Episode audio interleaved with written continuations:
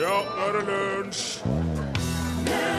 I dag er det 60 år siden Sammy Davis jr. mista sitt venstre øye i en bilulykke i California, og 45 år siden Charles Conrad og Alan Bean ble nummer tre og fire til å gå på månen. Det er med andre ord en ganske ordinær onsdag. Jodie Foster har bursdag ja. ja. Listen to the music! Hør på musikken, sang The Doobie Brothers for deg i lunsj i NRK P1. Velkommen hit! Velkommen til deg òg, Torfinn Borchhus. Takk skal du ha, Rune Nilsson. Ja, hyggelig at du kunne være med. Ja, og du bra. som hører dette på radioen, hyggelig at vi kunne samles her igjen rundt dette virtuelle lunsjbordet nok en gang. Hver dag, vet du. Det er det fem over elleve. Det er radiolunsj. Og Ikke jeg- helgene, da. Nei. Da er det høydepunkter på lørdagen. Ja, det er det jo. Litt over to. to. Du, jeg har siden sist jeg kommet fram til at jeg hater Candy Crush-saga. Enda så mye du har spilt det. Jeg har funnet ut at hvis jeg en dag befinner meg i et cocktailselskap hvor jeg møter et nytt menneske, og så spør jeg ja, eller hva driver du med, da? Og vedkommende sier jo, du, det var jeg som fant opp Crandy Candy Crush-saga, så kommer jeg til å kaste cocktailen min i ansiktet hans, eller hennes, og si ta den, din ondskapsfulle djevelens skjøge. Ja. Og så kommer jeg til å gå ifra selskapet. Og stritt. Ja. Fordi Hvorfor det? det Nei, altså, det er Har du Jeg skal kanskje eh, si noe for til de som ikke vet det. Altså, Candy Crush er et mobilspill som går ut på at man skal stable eh, symboler med godteri i et rutenett. Mm. Det er som et slags interaktivt tre på rad.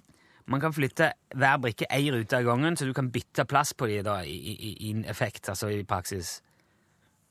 Det er to gule, litt en sånn rød og en litt- gul. Litt, det er jo Tetris-prinsippet òg, Ja, Ja, ja, Mm. To gule, så en rød, og så en gul. Kan du dra den Mm. gule over den røde, så de bytter plass? Pling, sier det, så forsvinner alle de tre gule. Får du poeng. Ja. Man har òg et visst antall trekk per runde. Klarer man ikke å få nok poeng i løpet av de trekkene, så må man prøve igjen. Hvor mange timer av ditt liv har du brukt på det her? Altfor mange! Jeg har spilt dette tidligere, men jeg sletta det fra telefonen i sinne den gang, for det er noe, for det er noe møkk. Ja. Det er et møkkaspill. Så var jeg ute og reiste her for noen uker siden, og så gikk jeg på en smell fordi at jeg kjeda meg veldig. Vi hadde en sånn venteperiode. Så jeg tenkte ja, ja, jeg kan ta noen brett mens jeg sitter her. For altså, i starten er det veldig i, i, greit. De første brettene er det. De er enkle og koselige, og man får en følelse av mestring. Og så kommer du litt uti, og så dukker det opp stadig verre problemer. Og plutselig så, så er alle godteriene pakka inn i gelé. Ja, nå må du fjerne all geleen ifra dette brettet. Og så har du bare så og så mange trekk å gjøre det på. Og så plutselig er det hull i brettet, altså hvor det ikke er noe godteri. Så plutselig er det to like på hver side, så får ikke flytte. Nei, å nei, nå er det hull. Og plutselig så det, kommer det en sjokolade som vokser for hvert trekk hvis du ikke klarer å sm- smelle noe rett ved siden av. Ja. Sier det.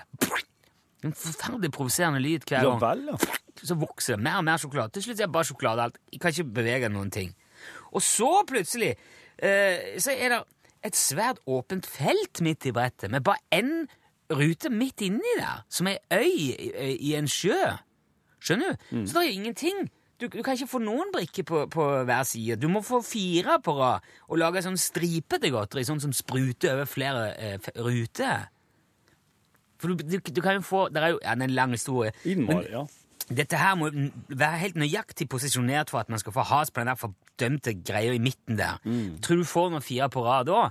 Nei, da sørger de for at du får bare én. Da er alt så spredd. De, og det, er- er gjennomtenkt. De er så ondskapsfulle, de der folkene som Å, de sitter og ler og slår seg på knærne hele Og jeg vet hvorfor. Fordi at når du har holdt på lenge og brutt opp de fem livene på å få den der fordømte, isolerte øyet inni der Å nei, nå er du tom for liv.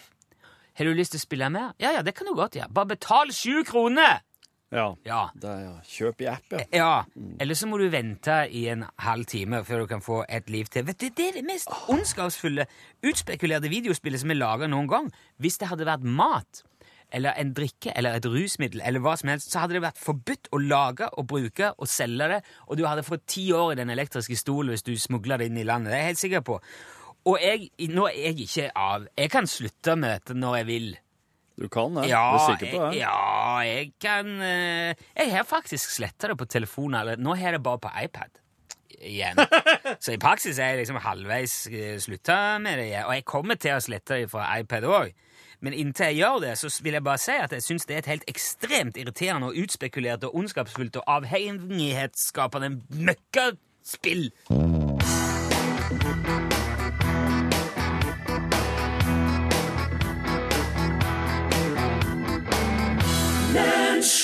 Som i en siste dans. Du hørte Lars Vaular og Jon Olav Nilsen, denne gangen uten gjengen. Dette var i en såkalt hiphop-rapp-melodi. Er det da noe nytt ellers, da, Torfinn? Ja, det kan du si! ja! Oi, såpass. Tienes yngste bonde, FN Stiversen, vart denne måneden historisk da 15-åringen gjorde sitt første EM-kvalifiseringsstell foran et fullsete og jublende flerbruksfjos. Oppskrifta på suksessen har vært mange timer i mjølkefjoset i lag med faren Odd Stiversen, som òg har stelt fjos i mange år. Faren har vært treneren til FN fra han var fem til han var 13 år. Jeg har bodd i mjølkefjøset og sovet hjemme. Når jeg ikke har vært hjemme, har jeg vært nede i fjøset med kompiser og faren min. Det er utrolig mange timer på jordet. Den økende populariteten merker han nå godt når han er på jordet sammen med kyrne. I tillegg har også jentene fått øynene opp for det unge talentet. Jeg merker litt, det skal jeg innrømme. Men ikke noe mer enn før for min del. Noen vil gifte seg, og noen vil tipse om fjøs. Sier Stiversen, som medgir at det er litt tidlig med noe giftermål ennå. De største fjosa i verden, som i Volga, Anna Creek og Desiree, har òg vist sin interesse for tenåringen. Det er veldig smigrende og hyggelig. Jeg drømte om det da jeg var mindre, og det er fortsatt en drøm. Han innrømmer at det kitler litt ekstra i magen at så store gardsbruk vil ha ham i sin stall, men allikevel tar han oppmerksomheten med fatning. Jeg er flink til å holde fokus på de riktige tingene. Det å trene og prøve å bli en bedre melkebonde. Sier den jordnære 15-åringen, og lunsjen i hendene ønsker FN lykke til videre. Du hører det her eh, Sam Cook framfor Another Saturday Night. Lunsj, radiogram 73, 88, 14, 80 Vil vi si at det, er noe, eller er det noe Nå begynner det å bli veldig klart, syns jeg, alle omstendighetene rundt radiogrammet. Ja. Det er nesten som eh, Jeg vet, jeg vet ikke hvor lenge telefonsvarer har vært brukt i radiosammenheng, men det er jo etter hvert blitt veldig vanlig. Altså, I min ungdom, da jeg jobba i NRK P3, Ja. da hadde vi noe som het Albin. Ring Albin. Var det 73 den- 510 600. Jeg husker til og med nummeret, rett og slett. Wow. Var, det, var det den første telefonsvareren på radio i Norge? Det tør jeg ikke si, men det var, han var så tidlig at han hadde i hvert fall sitt eget navn. Ja. Nå er nummeret 73 88 14 80, og det er bare å ringe. Hei. Eh, For en tid tilbake så ble det sagt eh, fra en lytter at eh, det var dårlig forbindelse med NRK P1 i tunneler. Og dette ble avvist som feil, blankt feil, av eh, en ekspert hos dere i NRK. Det stemmer ikke. Jeg har flere biler, og jeg merker det flere ganger når jeg kjører i tunneler. Værnes, Trondheim-Værnes, Trondheim-Orkanger, at NRK1 faller ut. Og du får inn, som han sa, en og annen jallakanal. Så dette må dere ta opp mer seriøst enn å bare avfeie det. Takk. Og takk for et godt program. Hei, hei! Vel bekomme. Ja, her, her, det, er en, det er en liten misforståelse her, men, men ja, så klart, det er absolutt noe her. Når, eh, når oss hadde besøk tidligere i uka av Petter, som er sjef radiodistribusjon i NRK, så var egentlig spørsmålet hvorfor eh, eh, P1 oppleves som å ha dårligere dekning, der eh, f.eks. P3 og si P4 kommer tydeligere fram. Og noen har også klaga på at P1 høres dårligere, mens de andre kanalene høres eh, bedre. Ja. Rett og slett volummessig. Eh, men det handla ikke først og fremst om tunneler eh, så mye i lag med Petter. Men det jeg kan si nå, er at eh, Petter han kommer tilbake, og da kommer han til å sette seg i studio i lag med oss på mandagen, altså over helga. Ja, OK. Har du snakket med Ja. avtalt med Petter? Ja, avtalt med Petter. Så bra, ja, for dette her dukker jo opp støtt og stadig. Ja, For oss fikk jo inn kjempemange spørsmål Ja, på, ja. På etter at Petter var med oss på mandagen. Så jeg har samla alle, og det her, her kommer jeg til å ta med videre. Og så skal jeg stille Peter veldig mye spørsmål om Om radio og dekning og DAB og FM og alt dette. Ja, det, nå blir det jo Det er nesten som, et, som journalistikk, det der. Uff ja, nei, men nå skal ikke gjøre er noe mye av dette, altså. Nei, det er litt rart å ha i lunsj, egentlig. Sånn uh, Gjerne fokus på læring på mandag, men altså, nå blir det jo Hvis ingen andre nesten- tar dette der, så må Ja. oss eh, informere litt om det. da. Nei, men jeg, jeg, jeg kjenner at jeg er litt glad for uh, av tanken. Og jeg kommer til å kunne stå Jeg føler jeg skal reise Neste gang jeg reiser hjem og snakker med far, Ja, så skal jeg, skal jeg fortelle om at nå har vi hatt litt Vi har hatt ordentlig journalistikk nå i programmet Ja. mitt. Ja. Da kan han gå Han han han jo gå ut og med, med rak rygg og si at nå har guttungen begynt med litt ordentlige ting, Mm. Ja. så nå kan du slutte å, å kjefte på meg. Ja. Hei sann, Ole her. Hei, Ole. Dette er en helt sann historie. Oh. Jeg fikk besøk av nabogutten min på fem år. Da fikk han øye på munnspillet mitt. Så spurte han pent da. Kan jeg få prøve? Han fikk munnspillet, og gutten skein som ei sol. Men problemet hans var at han, eh, han bare blest, liksom blest innover. Han trakk bare pusten innover. Du har blest ut, sa jeg til han. Da gikk gutten ut på trappa. Ja, det er et utendørsinstrument, dette her. Helt klart. ja. ikke, ikke, ikke fullt så utendørs som trekkspill, men det er jo eh, akkurat som klarinett eh, og tverrfløyte og fele. Det er utendørsinstrument, alt i hop. Ja, det var søt. Han gikk ut på trappa. Må blåse ut. Ja, det er en Anders Hvittjadium. Hei, Anders. Jeg skal lese et dikt jeg snekra sjøl. Yes. Og det er forfatteren sjøl. Så les. Igjen. Sjøen ligger stille og blank. En sild døde og sank. Farvel. En sild døde og sank. yes. Ja, det er mitt favoritt. Det er favorittlyrikken min for tida. Hei, det er Kurt Hansen som eh, ringer. Hei. Kurt. En liten gåte med dertilhørende svar. eh, Hvordan ser du forskjell på vanlige oljearbeidere og bindalinger på en oljeplattform? Bindalinger. Bindal? Det er midt i Bindalingene er de eneste som hiver brødsmuler til helikoptrene. Hei, hei, hei. Bindal, Bindalingene. Du vet ikke Bindalen. Bindalen er jo Det er Nordland. Ja, ikke det er så helt på grensa mellom Trøndelag og Nord-Trøndelag og Nordland. Ja. Bindalinga er de eneste som hiver brødsmuler til helikoptrene. Ja. Det er jo Jeg vil jo tippe at det brødsmulene blåser unna, men, Men er Du dette her, handler dette her om at oppe i Bindalen så er det så store måker? Eller handler det om at bindølingene bind, er så snille? De er så greie folk. det er det er jo kanskje noe av det dummeste jeg, jeg har hørt, men jeg, jeg får ikke bildet ut av Nei. hodet av Nei. han som står i sånn oransje kjeledress og hjelm og kaller Ja. Og helikopter. Se der, ja. Se der, ja. Ta med kompisen din. 73, 88, 14, 80. Lunsj, radiogram 73, 88, 14, 80 God dag, god dag. Jan Olsen. Ja, hallo, ja. Hvordan går det Med eh, hva da? med det du holder på med? Hva er det? Ja, Det kan jo ikke jeg vite. Jo, hvorfor du spør hvordan det går med det, da? Eh, Fordi jeg, jeg, ja, jeg regner vel med at du holder på med noe sånn som du pleier. Ja vel. Ja. Nei, jeg holder ikke på. Nei vel? Nei, Nei, eh, men eh, hva gjør du da? jeg gjør ikke noe. Ingenting? Nei, Sitter du bare i en stol og gjør ingenting? nei. Nei, det var det jeg tenkte. Jeg sitter i en eh, sofa. Jaha. Men, men hva driver du med, da? Ikke noe. Men, skal du til å sette i gang med noe snart, da, eller?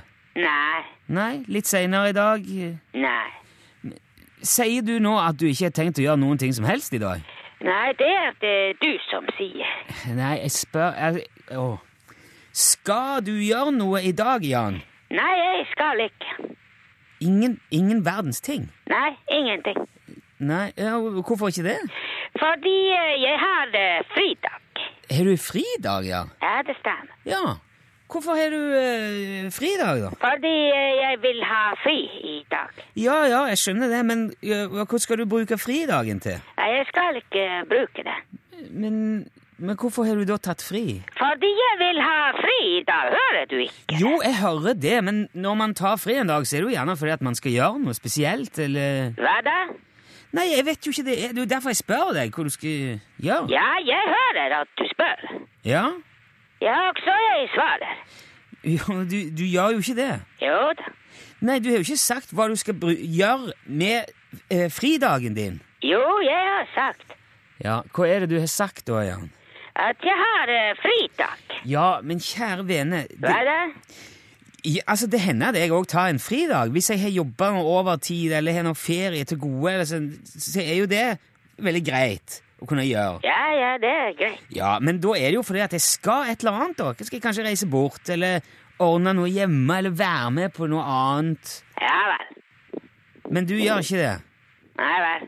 Nei, det, jeg, s- jeg spør deg nå, Jan. Skal du ikke gjøre noen ting i dag? Nei, jeg skal ikke. Nå må du høre etter. Vet ikke du hva er fridag for noe? Jo, jeg vet det. Ja, kan du fortelle? Jeg tror ikke du vet hva er en fridag. En, en fridag er en dag med fri, hvor man ikke jobber. Ja, det stemmer. Ja, Men hvis man gjør noe på en fridag, så det er ikke fridag likevel. ja så du skal, skal du, du skal ikke gjøre noen ting som helst hele dagen? Skal du bare sitte eller stå helt i ro og ikke foreta deg noe som helst? Ja, det stemmer. Ja vel? Noen ganger jeg lurer på om du er litt dum. Ja, vel, men det, det er ikke alltid like enkelt å forstå hva du mener, Jan. Du spurte hva jeg gjør, Ja, så jeg sa ingenting. ja, men Ja, hva som er vanskelig med det?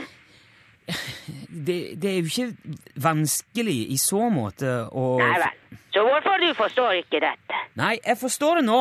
Jan, det er greit. Ja. Jeg, du skal ikke gjøre noe i dag. Jeg har skjønt det. Ja vel, det tok veldig lang tid. Ok, du får nyte fridagen da, Jan. Ja, det er greit. Ja, ha det bra. Ja, ha det bra. Hei, hei. Du hørte her Empire State of Mind, for øvrig part 2 Broken Down av eh, Alicia Keys. For mange år siden, mange år siden, mange år, 20 år siden, i hvert fall minst, tror jeg, og vel så det. Dette blir litt abstrakt for deg, som er bare en bitte liten gutt, men eh, for oss som er litt oppi årene, 20 år, det går fort. Ja. Så var det en venn av meg som han var husvakt hos en eh, venn av sin familie. da. Eller han Hva er husvakt for? Nei, han, han vedkommende som bodde her, var ungkar. Godt voksen ungkar. Ja. Bodde alene. Ja. Så hadde han reist eh, vekk over ganske lang tid, så han var innom, da. Min venn var innom og Ja. vanna planter, tok inn post, så at alt var fint. Ja, det fins et navn på det, det der, ja. Husvakt. Ja, nå gjør det det, da. Ja. Vi, hvis det ikke fantes før. I alle fall, jeg var med innom der en gang da, for å eh, ta en post, vanne planter. Og så hadde han da, eh, vedkommende huseier, hadde en liten samling med singelplater som sto i ei hylle. Ja. Og det syns jeg var interessant, for da drev jeg òg jobba i lokalradio, eh, litt sånn eh, når jeg ikke gikk på skolen. Ja. Spilte på diskotek i fritidsklubben. Å, plate! Det må jeg kikke på. Og så var det mye sånn, litt sånn eldre, litt eh, Roy Orbison og Beatles og noe greier. Og så, kom, så var det òg en singel av Gluntan Ja. i hylla der.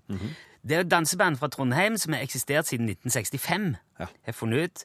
Eh, De gjorde stort med La oss leve for hverandre. Det var i 69 allerede. De gitt ut søkkevis med plater. Jeg så på Wikipedia det er den første europeiske gruppe som solgte til diamantplate. Diamant. Det står der der, så det er gått en del plater, ja.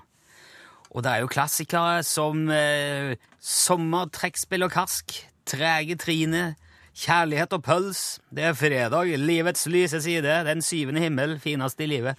Kunne ramse på eh, lenge. Men denne her, Drevang Drevang. Drevang hadde jeg aldri hørt. Artig, eh, artig navn på en låt, tenkte jeg. Drevang. Så jeg satte den på på platespilleren innpå der, og eh, vi holdt på å le oss aldeles fillete. Ikke fordi at det var dårlig eller tullete, det var tullete, men det var gøy, det var artig. Ja. Kjempeartig låt. Og som jeg sa, jeg spilte diskotek på den tida, jeg, som jeg fikk lånt med den der singelen òg, og spilte den på diskotek, på ungdomsdiskotek. Ja. Til stor eh, forlystelse og glede. Og det ble liksom en sånn sleger da, i, i vennekretsen. Den her Drevang. Og så Nå sier jeg altså, det, det er litt på tull. Jeg trodde han het Drevang. Han gjør ikke det. Jeg Kommer Nei. til det. Drevang. Det gikk over, dette her. Og så har jeg ikke tenkt over den låten siden. Jeg har ikke hørt den heller. Nei. Jeg har mye Gluntan, men aldri den. Av en eller annen grunn. Men så plutselig så kom jeg på det her, jeg vet ikke hvorfor. Av en eller annen kobling. Den, ja. Og så søkte jeg den opp, og nå har jeg funnet den. Så nå har jeg lagt den klar her. Så nå har jeg bare lyst til å spille den. Okay. Du ser det står Drevang der. Ja, det står Drevang. Drevang? Drevang. Det er gluntan med drevang. Skal vi se om du skjønner hva det er. Jeg har ikke lyst til å se noe. Jeg har bare lyst til å se hva som skjer når vi spiller denne på radioen. Vil han ha samme effekt på meg som han hadde for over 20 år siden? Hva vil du som hører han på radioen synes? Vil du le? Vil du bytte kanal? Vil du bli sint? Hva vil du gjøre, Torfinn, ikke minst? Eh, jeg aner ikke hva som skal skje. Det er et eh, musikalsk, humoristisk eksperiment, og nå gjør vi det bare.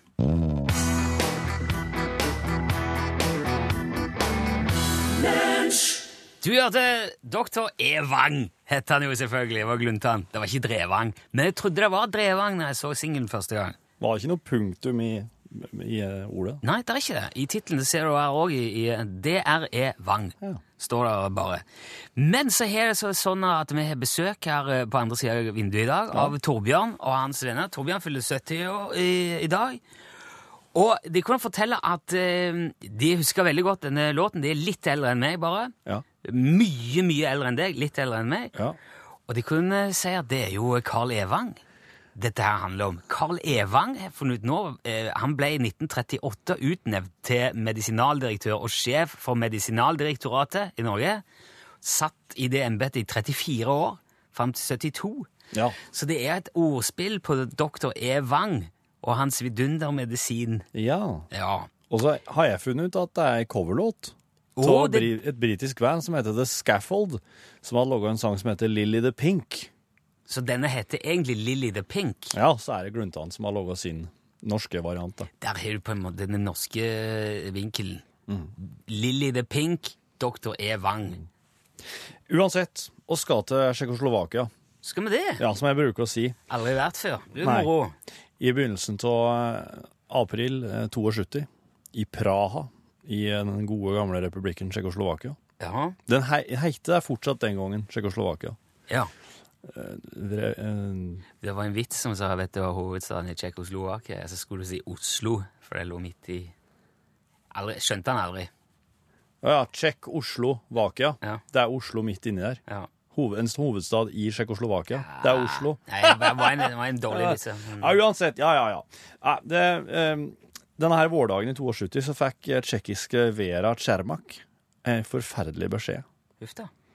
Forferdelig i hvert fall personlig for hun. Eh, og så jeg ikke helt hvordan hun fikk, fikk beskjeden. Kunne ha vært et brev, muntlig venninne, per telefon. Uansett. Beskjeden var at gubben hennes, eh, herr Tsjermak, hadde vært utro. Hadde, vært, hadde hatt en affære. Enten en enkelthendelse eller noe pågående lenge, ikke sant? Og hun Vera, eh, hun gjør da det som ei eh, voksen eh, tsjekkoslovakisk dame på den tida kanskje fant det helt naturlig å gjøre. Hun hoppa ut av glasset. Hun, ville, hun, hun sa, tenkte nå, nå tar jeg livet, livet mitt. Det er en forferdelig ting å ta opp i et Gjett hva som skjer? Hun, hun lander på gubben sin idet han er på tur inn i bygninga. Hold opp! Hun slår i hjel gubben sin, og Vera sjøl, hun havner på sjukehuset og overlever. Men han dør. Han daua. Han var på tur hjem, han, da. Og hun Vera treffer han rett i nepa, kanskje med sko på, ikke sant? Og hun på sjukehus. Dette her er jo helt eh, er, er det Ja. Så Det er det man kaller for instant karma på engelsk. ja. Og det er faktisk straffbart. Det å ta livet av noen i et sjølmordsforsøk er straffbart.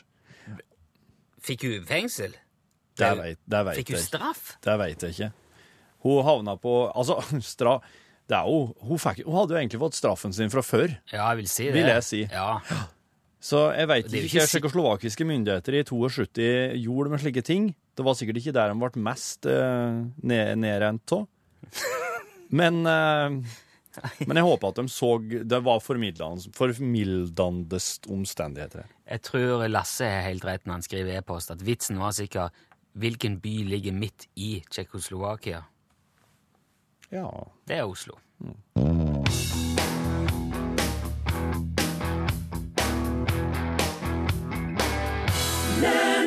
Der fikk du The Kids. Låten het selvfølgelig 'Hun er forelska i læreren', og det stemmer at òg Nordre Sving har sunget 'Doktor E. Wang', men vi spilte i dag versjonen av 'Gluntann'. End av diskusjonen på den.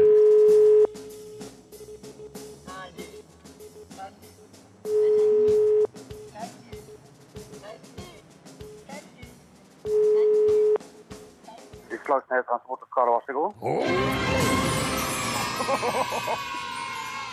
Ja, da skulle jeg gjerne bestilt to pall skarv, eh, hvis jeg nå snakker med Tommy, på UTS. Det er det. Ja, der har vi kommet til UTS eh, sentralbordavdeling Longva.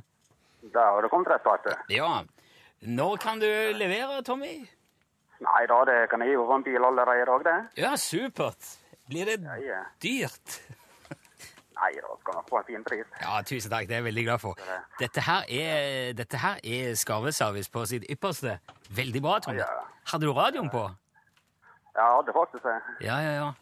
Hva, eh, når du så da at det, det ringte, og så hørte du på radioen at det ringte, tenkte du, fikk du litt sånn den samme følelsen som man får når de ringer fra Norsk Tipping på Hamar? Å, jeg tror jeg nesten jeg ble enda mer nervøs. ja.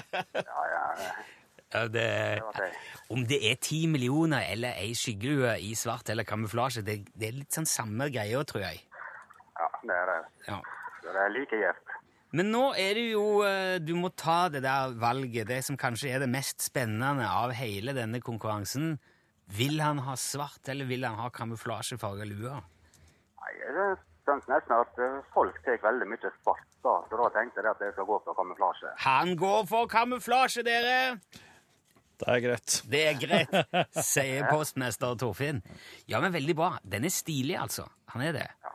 Det vil jeg. De er stilige begge to. Men den går i posten til deg i dag til Longva, Tommy. Tusen takk for at du har meldt deg på, og for at du var med. Ja, Bare hyggelig. Ja, Og så må du eh, hilse og ha det så bra så lenge. Jo, takk like så. Ja, Ha det bra. ha det godt. Ha det. Hvis du vil være med på den konkurransen, som altså bare gis ja, Det hele går ut på å svare Utslagsnes Transport og skal være så god når vi ringer. Da må du melde deg på ved hjelp av SMS. Sender du kodeordet UTS, de tre bokstavene, og så et mellomrom, ditt navn og adresse, sender til 1987. Pang, der er du på. Her er Pål Angensgaard.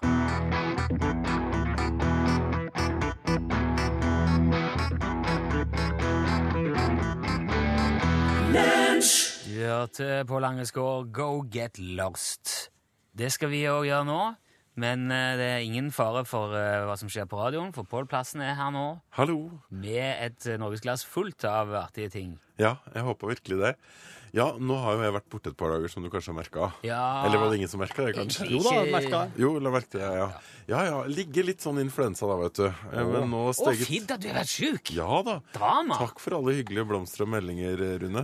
Eh, Jeg trodde bare du var på denne hytta igjen, eller Nei, i Paris med noen venner, eller i London, eller i en eller annen metropol. Nei, Jeg ligger og sover for det meste med masse feber, og det skal handle om det meste. Ja, der sa han et sant ord. Jeg egentlig fortalt dette her, det der. Til nå. Kan du ikke gjøre det? Jo, jeg sa akkurat til Torfinn, og uh, dette er forresten dette kontoret, og dette er podkasten og bonusen og det. Ja. Så sa jeg til Torfinn at jeg er litt trøtt i dag, for jeg våkna klokka fem. For da kom min sønn og sa han fikk ikke sove, for det var så kaldt. Og så tenkte jeg Kaldt? Ja, ok, det var to minus ute, men det var ikke noe sånn jeg tror Han hadde ikke vinduet oppe engang. Jeg skjønte ikke helt hvor det skulle være. Men så slo det meg å, det er jo håndverkere som driver på og sier de har altså revet kledningen av veggen inn akkurat der som han har sengen plassert langs med. Vil det si at Har de da tatt ut isolasjon òg? Nei, det ligger, henger fortsatt litt isolasjon, men det er veldig gammelt hus, og det er ikke veldig godt isolert fra før. Dere legger ny isolasjon? Ja, det er det som er poenget. Ny isolasjon og ny bokkledning. Ja, jeg trodde det var kledninga først og fremst, men det er, mye, det er like lurt å gjøre det samtidig. ja, må gjøre det, ja. Um, og så det, ja, OK, det er ganske kaldt langs den veggen der. Det var kaldt i natt og i Det dag var, det, det var i hvert fall tre minus når jeg sto opp. Men da kom jeg liksom litt før fem vel, og fikk ikke sove for det var så kaldt. Så da måtte vi bare krølle oss sammen og være solidariske og varme hverandre. Og så er sånn at da, hvis jeg blir vekt på en sånn tid, så er jeg veldig vanskelig for å få sove igjen. Mm. Det kan gå sånn akkurat Ja. Hvis jeg, hvis jeg bare får det med sånn i ørska, så Ja. kan Ja, ok, da. Mm. Men hvis jeg begynner å tenke bare litt over det, Ja. hva som skjer, da er det fucked. Og det gjorde jeg da. Det er akkurat som at en må prøve å forhindre tankevirksomhet. Jeg, jeg tror jeg vet når det, når det skar seg. Ja. Det var når jeg skjønte hvorfor det var så kaldt der inne. Mm. For hjernen begynte liksom å gå Ja. litt sånn forsiktig. Akkurat sånn, Kom igjen, skal ikke vi begynne å jobbe? Så, så er det stress, stress. Altså, hold igjen. Ja. Nei, nei, vi skal ikke tenke Og så slapp jeg. Ikke tenk på noen ting. Hvorfor er det så kaldt der inne? Hva er det? Å, herregud, de har jo revet hele veggen på utsida. Der, ja. Vet du. Da våkna jeg, liksom. Da ble det etter i gang. Og da var tankevirksomheten i gang. Og så begynte jeg å tenke ja, nå skal jeg prøve Vil du klare å sove igjen? Og så blir det sånn selvforsterkende greier. Altså, antagelig ikke. Sjekk klokka. Ja, liksom litt over fem. Eh, Er det så ille? Altså, Kona står jo opp gjerne før dette og tar flytaxi når hun reiser litt til Oslo og skal på jobb og sånn i sammen, jobbsammenheng. Men da får hun, hun sier jo at hun er blitt veldig flink til å sove på flyet, så hun Ja. tar det jo inn der. Ja. Hvis jeg står opp nå, vil det gå ut over arbeidsdagen min? Altså, nei, det gjør jo ikke det. Altså, for jeg, når vi har, har hatt sending og, og vi lager podkast og sånn, så er det ikke så, så veldig farlig om jeg blir trøtt. Jeg kan gå hjem på litt sånn litt tidlig, og så kan jeg ta meg en cowboystrekk kanskje, hvis jeg får det til før de andre kommer, og så kan jeg lage middag, så kan jeg... Ja, ja, ja. ja og så begynner jeg å tenke at, og, På en annen side det hadde jo vært veldig kult for de andre hvis jeg sto opp nå, for da kan jeg gå og hente litt ved, så kan jeg fyre i ovnen. Så det er godt og varmt i stua når jeg kommer, for det er sikkert varmt i resten av huset, kaldt i resten av huset òg. Ja, ja, ja. Kanskje jeg kan, kan jeg steke noen bagels, blir det god frokost på, liksom, på en tirsdag, og så nå, nå er det jo full doktoravhandling vet du, oppi hodet der. Ja, det er det. Der har Så du. da sto jeg bare opp. Faen, jeg skriver 4000 ting, det er du nå. Så det er derfor jeg er litt trøtt nå. Men det er ikke så ille som eh, Ja, derimot, jeg forsov meg i dag tidlig. Ja! Jeg våkna klokka to minutter på åtte, Ja, ja. eh, og var da lys vaken, merkelig vaken, og må jo strekke meg over for å se på mobilen hvor mye klokka er. Glemte å sette på alarmen. Det er ikke ofte jeg gjør, men og faktisk, det er Jeg, jeg syns jeg ganske ofte våkner rett før alarmen, til en merkelig grunn. Ja, hver dag. Mm. Men da var det altså et helsikas Da ble det virkelig alle, alle klutene satt til for å få gutten i skolen til halv ni. Ja. Det hadde oss en halvtime på det, og så da kommer jeg meg opp hit da etter hvert. Mm, Og så rakk, så rakk skolen da, akkurat det ringte inn. Vi bor jo rett ved sida av. Ja. Men jeg må si jeg er ganske, det er ganske snodig. eh, Jeg, jeg, er, jeg er trøtt i dag. Men jeg, oss, oss holdt jo på med Rackstead-øvinger i går kveld ganske heftig. Ja, jeg var nå i seng til halv tolv. Mm. Ja. Men det er jo, det er jo eh, jobb, det òg. Det er det. Det er, det er jo absolutt jobb, det. Det Det er helt er- egen sinnstilstand ja, når en spiller musikk i lag. Det er veldig koselig, men det er jo, det er jo veldig sånn eh, Det er krevende. Ja, det er det. I hvert fall når det er sånn at den eh, Når, når man er sånn en stund siden man har spilt, og så skal man kanskje ha opp noen sanger som man ikke har spilt på en stund. Mm. Så det blir en del sånn konsing og jobbing. og 'Nei, prøv en til. Hvordan skal vi gjøre det der?' Og så blir det mye diskusjoner. Og så blir det Ja. blir jo litt sånn kokt i hodet etterpå. Sånn tom. Jeg så jo, det var gjort delt mange ganger på Facebook, en sånn Sånn, sånn Dette skjer i hjernen når du spiller musikk eller synger. Ja. Har du sett den, du? Nei! Jeg så Jeg har sett at han er der, men jeg har ikke sett på han. Nei, det, der syns jeg Det er litt irriterende at jeg ikke har sett på den Ja, når jeg nevner det. Men det var en sånn animasjon. Jeg så en varte Det er jo det, vet du. Det var en animasjon, og så var det sånne litt sånn søte figurer, og så var det en stemme som kom When you play music Og så så jeg han til 2,43 eller noe sånt. Å, der er grensa! og ja, så tenkte jeg Nei, jeg har mye bedre ting å gjøre enn å sitte og se på dette. Ja. Ja. Hadde han vært 43, har jeg sett det. 43 sekunder, Mm. ja. Eller 1,12. Ja. ja 1,12 er vanlig. Det er veldig vanlig, faktisk. Det skjer i hvert fall et eller annet i hodet vårt når vi spiller musikk og når vi synger og sånn, og det, det kan hende den eh, den tingen der, den er med å på en måte helle hodet vårt ekstra aktivt resten av kvelden. For i dag tidlig så var jeg litt sånn wow. Nesten litt sånn bakfull. Det er nok, eh, Du utløser nok en del endorfisol, sånn i Sikkert. tvil. Jeg kjenner i øynene, veldig snodig sånn følelse i øynene. Ja, ja, ja.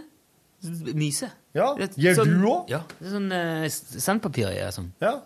Faen, Jeg ser det. Nei, men kanskje det er noe, det er noe giftstoffer som kommer inn gjennom ventilasjonen her. Ja, kanskje. Jeg syns Steinar Nesje så veldig sånn lur ut i morges. Ikke i morges, eller formiddagen jeg gikk på sending. Ja. Så var han så hyggelig. Han er jo hyggelig, men jeg la merke til han var så hyggelig da. Han sa han var en kompis som jeg syntes det var så kjekt å høre på programmet. Og så var det Greit. Ja. så jeg- Og jeg tenkte ja, hva er det nå? Ja. Det var sikkert bare noen siste ord før jeg Mm. visste at vi kom til å ligge kalde og krokete innpå her før to. Men det er jo Ja, det er en ting da. Hvis vi dauer her nå mens vi sitter og lager podkast, så vil jo aldri folk få hørt den podkasten her, tror jeg. Jeg tror ikke det hvis de hadde kommet inn hit og funnet oss to liksom kalde og krokete på gulvet.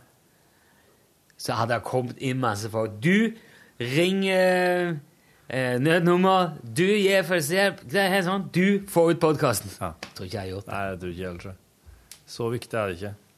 Han Børge Pallåsen har jo sendt oss en e-post. eh, Det her er jo lenge siden. eh, Der det står 'ferska'. Der står 'ha-ha'! Ferska. Rune er tilbake på Candy Crush-kjøret. Ja, jeg så det. Kommet langt. Brett 702 her. 297 i drømmeverden. Ja, Du hørte nå det i dag, Børge, at han Rune han har vært på Candy Crush-kjøret, men nå er han ikke der lenger. Nei, på telefonen står jeg forresten på 70. Da sletter jeg. Brett 70? Mm. Å herregud, han er på 702, han. Å, du store Jeg var ikke klar over at det fantes så mange. Men eh, Altså, hvis du ikke har brukt penger heller Ja, Da er jeg nesten ikke dum. Kan du ikke ha med liv. Eller så må du ha holdt på i mange år. Hvor lenge har det funnes da, tror du? Ja, I hvert fall siden slutten av 70-tallet, tror jeg. Candy Crush. Podkast-temaønske, skriver hun til slutt. Gode og dårlige tidsfordriv. Ja, der har du et godt eksempel på et Men du, det har kommet et nytt et, da. Ja. Som jeg òg lasta ned bare for å få det der forbanna reklameemblemet vekk fra skjermen Ja. på det andre spillet, Candy Crush-spillet. Ja. Det heter Candy Crush Soda, eller Soda Crush eh, King Saga. Eller Soda Crush Soda Crush Saga, tror jeg det heter. Ja. Og det er litt gøy, for der er det sånn Der kan du, hvis du får det kløstra sammen som en firer Ja. Altså som Hvis du ser på det, en, en firer på terningen, sant? da får du en fisk. Og den kan du dra sammen med noe, og så spretter den vekk, og så svømmer den til en annen eh, med samme farge, og så gjør den noe der. ja. Det er litt sånn herlig, artig, uforutsigbar greie. Ok. Og så dukker det opp noen brusflasker som du skal sprekke, og så stiger vannet. Ja. Og da de som er, Eller brusen, da. Det er en sånn rosaaktig brus. Og de eh, godteriene som er under brusen, da, nede i brusen, de flyter opp. Mens de som er over overflata, de ramler ned. Så må du begynne å tenke sånn Å ja, for du skal ha opp den liten gummibjørnen inni ei luftboble. Ja. Da nytter det ikke å drive og flytte for mye rett over den. Nei, det hvis det det er over brusen, for da detter den Så det blir litt spennende. Men nå begynner jeg å komme Nei, jeg kom så langt på det at det begynner å bli vanskelig, og da blir jeg irritert. Jeg liker ikke at ting er vanskelig. Jeg liker at ting er lett. Ja. Det gjør jeg. Og det er derfor Ja, Det det jeg skal bare være et tidsfordriv. Det skal ikke være en sånn ting som du virkelig må sette deg inn i Nei. og konsentrere deg innmari om. Nettopp. Nei. Og sånn er det egentlig med alle spill. Jeg bruker det som rekreasjon. Det er ikke, det er ikke en sånn Jeg tenker ikke Nå hadde det vært gøy med en ordentlig utfordring så jeg kan legge liv og sjel til å bruke lang tid og feile og, og prøve igjen på. Sånn som eh, Dark Souls. Dark Souls-spillet. Som du må drive med til du blir helt Du, blir- du blir gal. Det er, det, det er et av de vanskeligste spillene som er logga. Jeg husker Marte i Filmpolitiet anmeldte det, hun, hun hata det så intenst. Men hun, hun syntes jo at det var hun likte det jo òg, for så vidt, fordi det var så helsikas vanskelig. Du fikk ingenting gratis i Dark Souls. Nei. Jeg liker ting Og det vil jeg ikke ha jeg. Hvis jeg må gjøre ting om igjen og om igjen og om igjen, så si sånne bosser og sånn, vet du, den tida er forbi. Jeg er bare ute etter en opplevelse, her, og gjerne en historie og noe artig. Men jeg, jeg kan fortsatt å lese bøk, så jeg trenger ikke noen til å lære meg noe. Nei. Jeg eh, driver nå og spiller um, Assassin's Creed Unity. Den nye Assassin's Creed til PlayStation 4. Det er det som foregår i Paris. Ja, Ja. under revolusjonen. Ja. Traff Napoleon i går, forresten. Jaha, hva sa han? Nei, jeg spurte om jeg kunne dra og drepe en fyr som hadde Ja. Så jeg gjorde det. Typisk oppdager Assassin's Faktisk andre gang jeg treffer han. Jeg traff han nede i en kjeller òg her Ja, forleden dag. Da mm, Så jeg sier jo til Napoleon sier jeg, ja, ja, klart. Ja. Ta det. Altså, Ja. det, er jo, det er jo det jeg driver med. Ja, ja. Rundt og dreper folk. Du er jo en eh, snikmorder. Det er andre ting òg å gjøre som jeg liker veldig godt. Mm. Løse gåter, som for eksempel. Ja. Det er artig. I Assassin's. Creed? Ja. ja. Uh, så drar jeg av gårde Jeg skal inn i et fengsel som er tatt over av uh, revolusjonære. Ja. De har røde klær.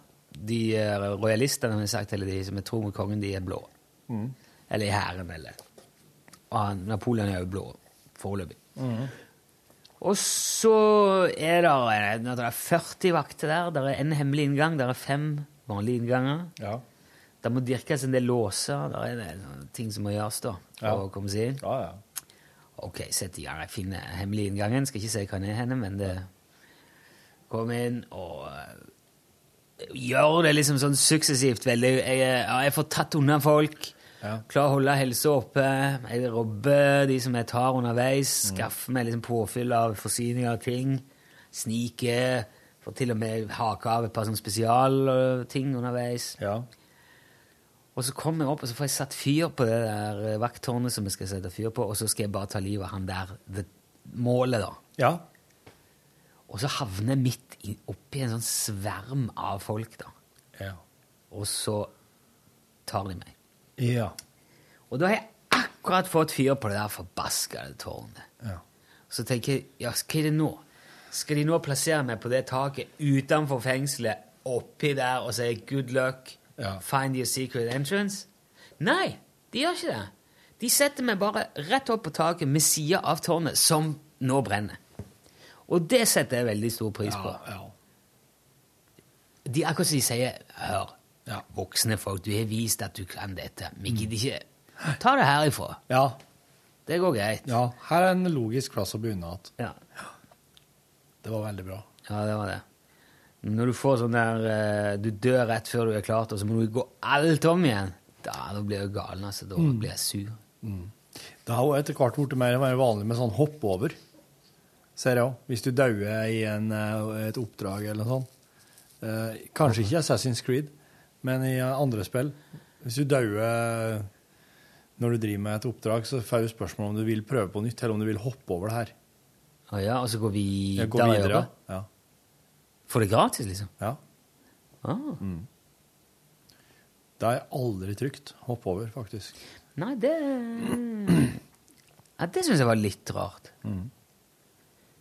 Det som kunne vært veldig kult, var hvis du kunne sagt eh, vi trenger en pause, vil du komme tilbake siden, så bare begynne her igjen. Ja. Det hadde vært ok. Mm. Så kunne jeg, ja, vet du hva, nå er det blitt så mye med akkurat dette her. De skyter som er kanonene hele veien. Og begynner. Jeg, tar, jeg går og finner noen sånne hemmelige beskjeder fra Nostradamus imens, og så kommer jeg igjen litt senere. i Ja, morgen ja, noe. ja. Ja. Det kunne vært. Chill-out-oppdrag. Det er noen. Nostradamus-spådommer. Jeg skulle finne en sånn gåte. Og jeg må innrømme jeg juksa i går. Jeg gikk på nettet. Mm. For det, ja, den var så drøy. Men han var god, da. Og Ja. så føler jeg at det var litt læring òg i det der at jeg måtte gå på nettet. Ja. Um, først bare søkte jeg opp uh, fem bøker fra Toraen. Ja. For det er mye historiske og religiøse riktige referanser i Ja. spillet. Så fant jeg ut ah, ok, så det er fem bøker. Det er ikke liksom 15, for det var ramsa opp, og aha, sånn, og så blaga, bla, bla, bla. Um, ja Toraen består av fem bøk, var det det? Nei, innledningen av Toraen består Ja. av fem bøker. tror Ja. OK. Mm. Litt sånn som Mosebøken i Bibelen. Ja, noe sånt. Men det hjalp meg ikke nok til at jeg Er det inne i kirka? Er det utenfor kirka? Hvile på? Er det til det nede i kjelleren? Er det Jeg hører at det her er, det her er De er blitt inspirert og Eller altså, det er, det er sånn Dan Brown eh, Ja, veldig. Og det var Mm. så artig, for kona kom opp mens jeg satt med dette her i går. Og da kom hun vanlig, kom med sudoku-boka si, og så Ja.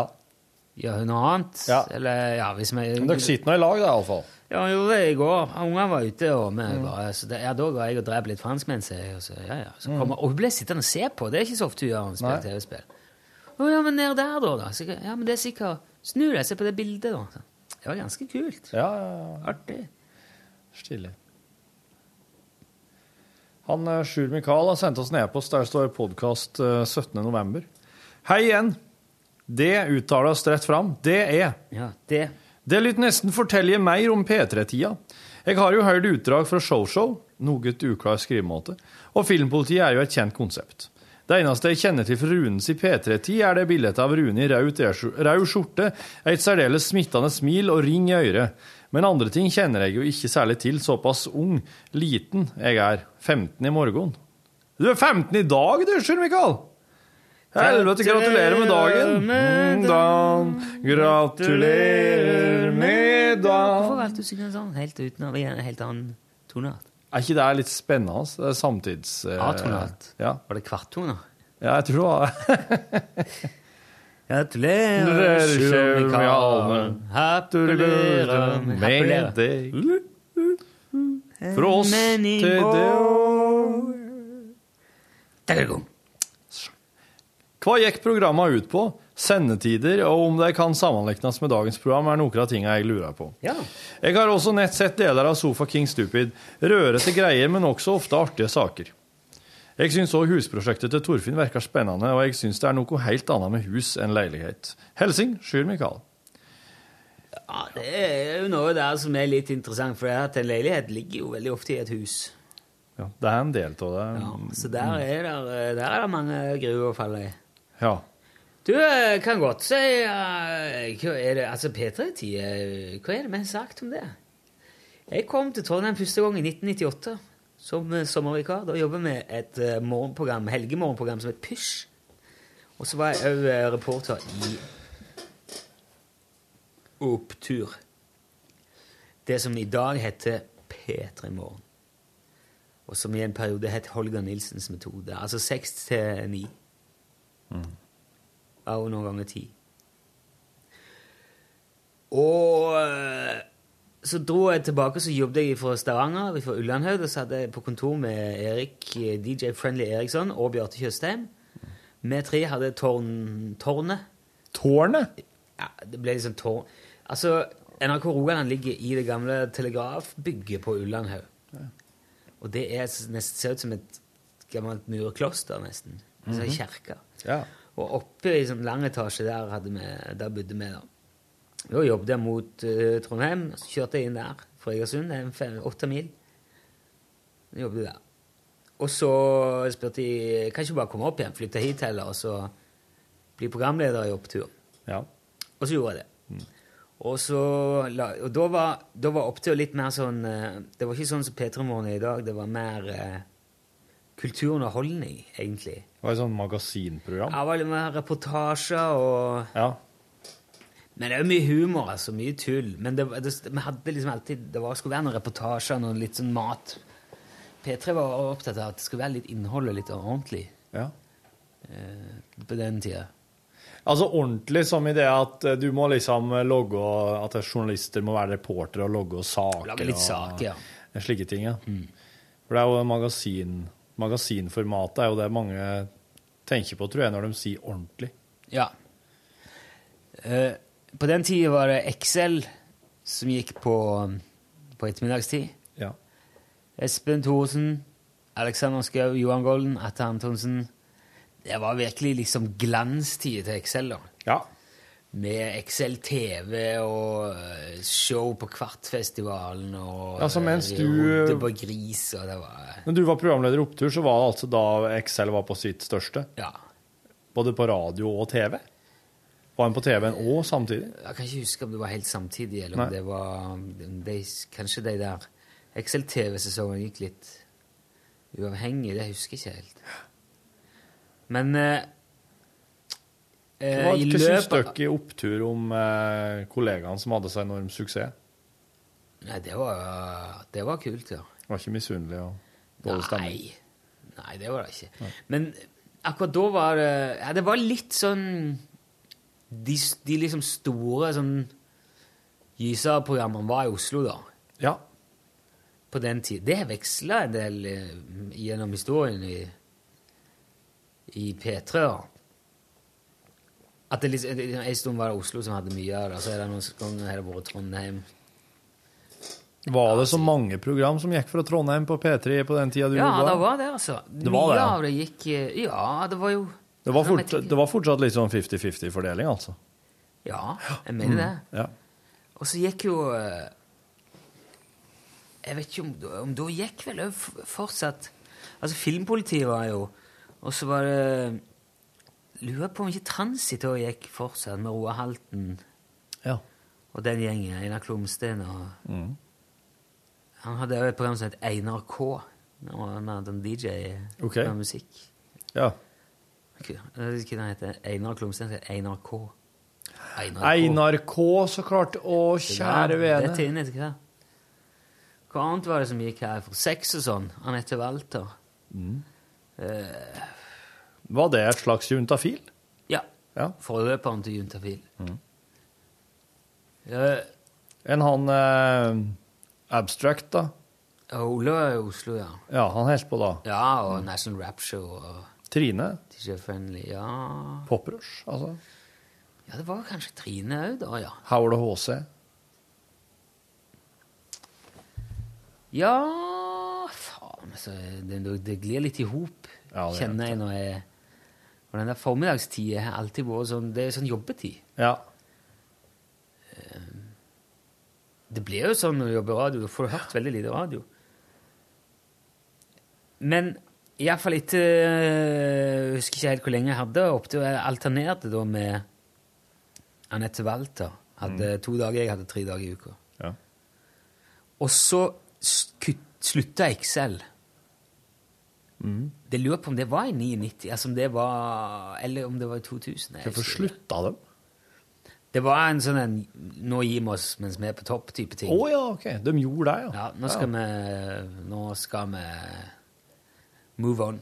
Ja. Jeg har gjort det ganske lenge før det liksom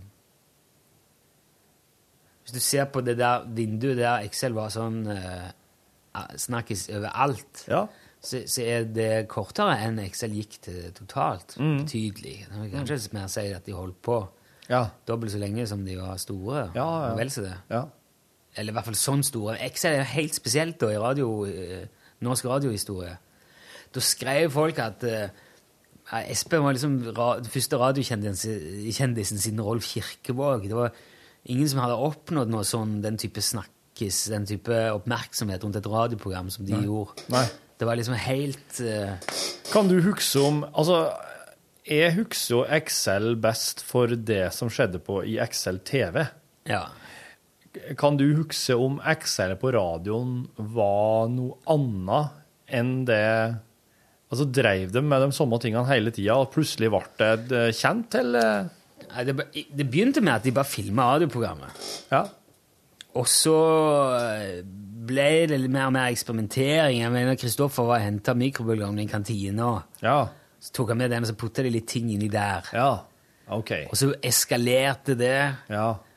Og så måtte de kjøpe en ny mikrobølgeovn på et tidspunkt, og folk begynte å klage for at dette her, går, det her er ikke rett.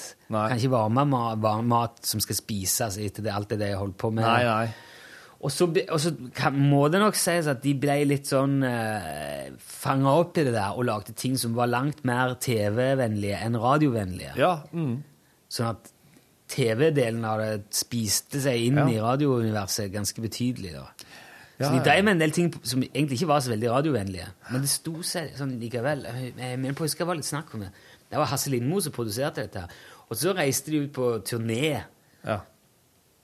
Eh, og hadde Excel-show på veien. Og, og, da jeg husker jeg jobba da, da kjente jeg ikke til Espen er jo en god venn av meg i dag, men da, det, da var jeg ganske fersk. Men jeg husker jeg kom på jobb, og det var det førstesideoppslag i VG. Da hadde de demontert et hotellrom i Tromsø, eller hvor det var.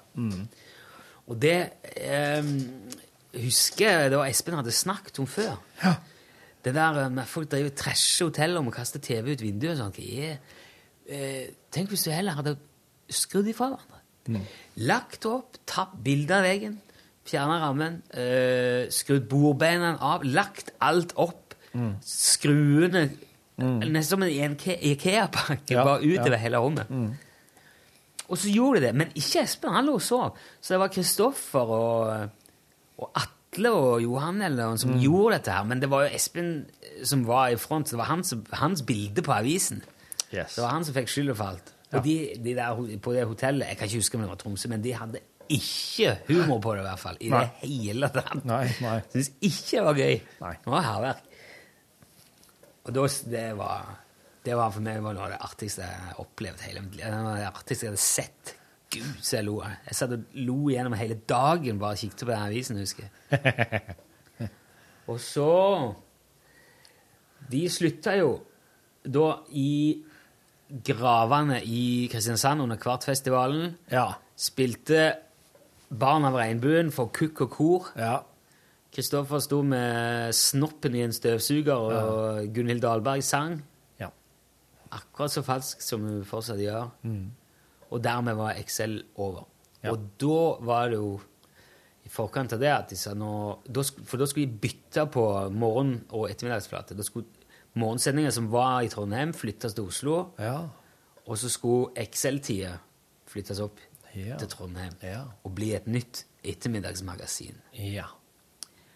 Og så sto det i annonseteksten, og så ble det lyst ut den der jobben som programleder der. P3-4 med tungt kaliber og starta ny Vil du bli programleder? Et eller annet. Ja. Så da søkte jeg på det, og så var det audition, og sånn, og så fikk jeg den jobben som programleder i Kaliber. Ja.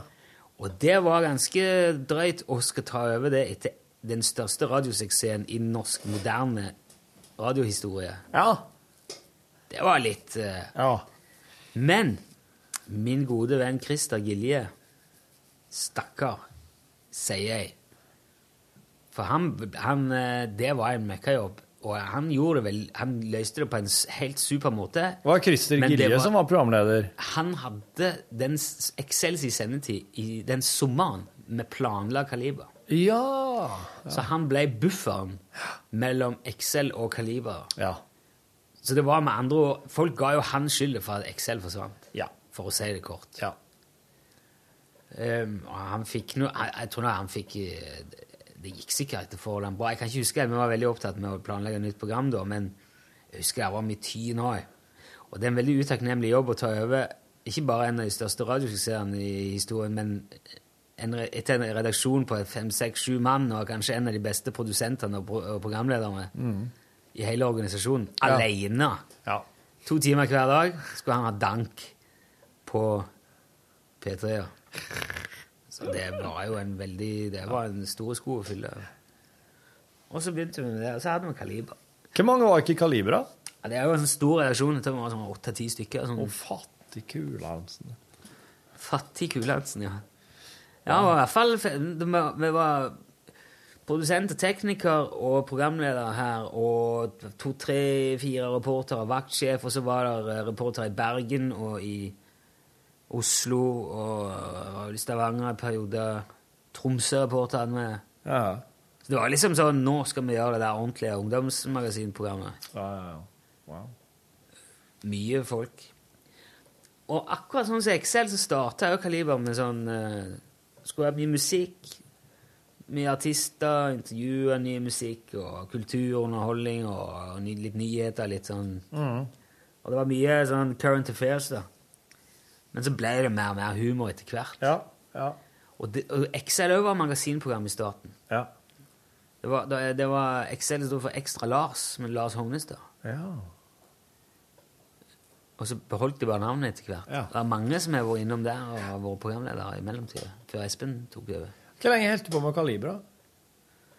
Til Ja, jeg, jeg tror ikke det ble Det ble nesten to år, tror jeg. Da flytter du fra Trondheim, da. Flytter du sørover, da. Ja, da, da På et tidspunkt ble jeg bedt om å søke eh, i Lydverket.